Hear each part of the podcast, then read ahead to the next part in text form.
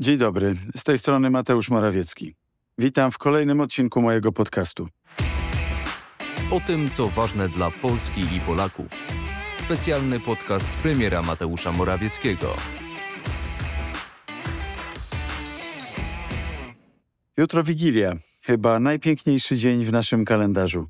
Kumulacja wszystkich naszych nadziei, marzeń, czas pojednania, życzliwości i wdzięczności. I od wdzięczności chciałbym zacząć tym razem. Rok temu w wigilijnym podcaście składałem podziękowania lekarzom, pielęgniarkom, ratownikom medycznym, strażakom, policjantom i obrońcom naszych granic.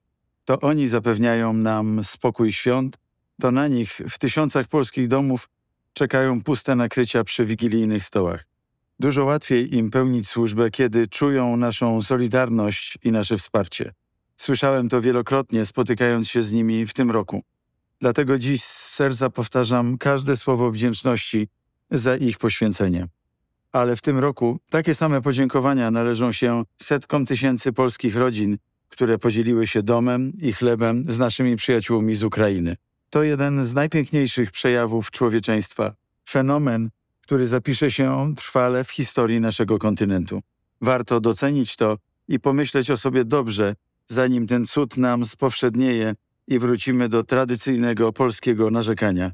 My, Polacy, mamy być z czego dumni. Święta się zmieniają, świętujemy inaczej, bo żyjemy inaczej, ale mimo wszystko w Polsce Wigilia i cały okres Bożego Narodzenia wciąż zachowują wyjątkowy charakter. Dla większości z nas to wciąż czas czerpania radości z rodziny i kultywowania tradycji. Ze strojeniem choinki z dwunastoma potrawami, siankiem pod obrusem, wolnym miejscem przy stole i wspólnym śpiewaniem czy słuchaniem kolęd. Już same dyskusje o znaczeniu i dociekanie źródeł tych tradycji sprawiają mnóstwo przyjemności. Skąd wziął się zwyczaj podawania w Wigilię akurat dwunastu potraw? Dlaczego są postne? Dlaczego stawiamy dodatkowe nakrycie przy stole? Co oznacza sianko pod wigilijnym obrusem? Jest wiele teorii, a każda wydaje się równie dobra. Piękne również jest to, jak te wspólne polskie tradycje nabierają różnych odcieni w różnych regionach kraju. Jak z pokolenia na pokolenie obrastają w naszych domach rodzinnymi zwyczajami, jak mieszają się między rodzinami. Jednak tym, co uważam zdecydowanie za najważniejsze i najpiękniejsze w polskich świętach, jest tradycja dzielenia się opłatkiem. Zwyczaj praktycznie niespotykany poza Polską i polskimi rodzinami. To piękny zwyczaj, który w jednym geście mieści tak bogatą symbolikę. Przełamanie się opłatkiem to takie symboliczne przełamanie barier, które narastają między nami w pędzie życia i codziennych spraw. Czy może być coś piękniejszego niż okazanie przywiązania, przyjaźni i miłości, ale też pojednanie, przebaczenie przez ten prosty, serdeczny gest dzielenia się chlebem? Mi trudno to sobie wyobrazić. Ubieranie emocji i uczuć w słowa świątecznych życzeń to dla wielu z nas trudne zadanie. Nie każdy ma przecież dar dany poetom, a przecież przełamanie się opłatkiem i serdeczny uścisk wystarczą za tysiąc słów. We wszystkich naszych tradycjach najważniejsze jest to, żeby być razem i przede wszystkim tego Wam i sobie życzę.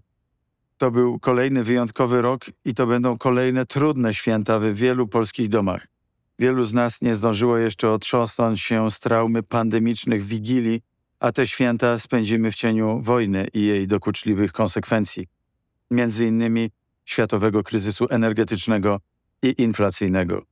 Ale to też święta, w czasie których miliony Polaków zasiądzie do stołów z nowymi przyjaciółmi z Ukrainy, święta, w czasie których dodatkowe nakrycie po raz pierwszy spełni swoje przeznaczenie. Do tysięcy polskich domów zawitali nieznajomi i w krótkim czasie stali się więcej niż znajomymi. Strudzeni wędrowcy zostali domownikami w wielu polskich rodzinach. Siedząc przy wigilijnych stołach, będą wspólnie drżeć o los obrońców Ukrainy siedzących w okopach. Nawet jeśli patrząc na trudy ostatniego roku chcemy trochę ponarzekać, to nie zapominajmy o wdzięczności. Pamiętajmy, że cicha noc ma dziś bardzo wysoką cenę. Dziś, jutro i pewnie przez wiele kolejnych dni tę cenę, wysoką cenę będą płacić nasi przyjaciele z Ukrainy. Kiedy przygotowywałem się do tego podcastu, jeden ze współpracowników polecił mi książkę Sylwii Winnik Moc truchleje. Opowieści wigilijne 1939-1945, podsyłając następujący cytat. Myślę sobie, że cuda dzieją się wokół nas każdego dnia, tylko nie umiemy ich dostrzegać, bo nie chcemy ani nie potrafimy w nie uwierzyć. Umysł, który nie wierzy, odporny jest też na cuda.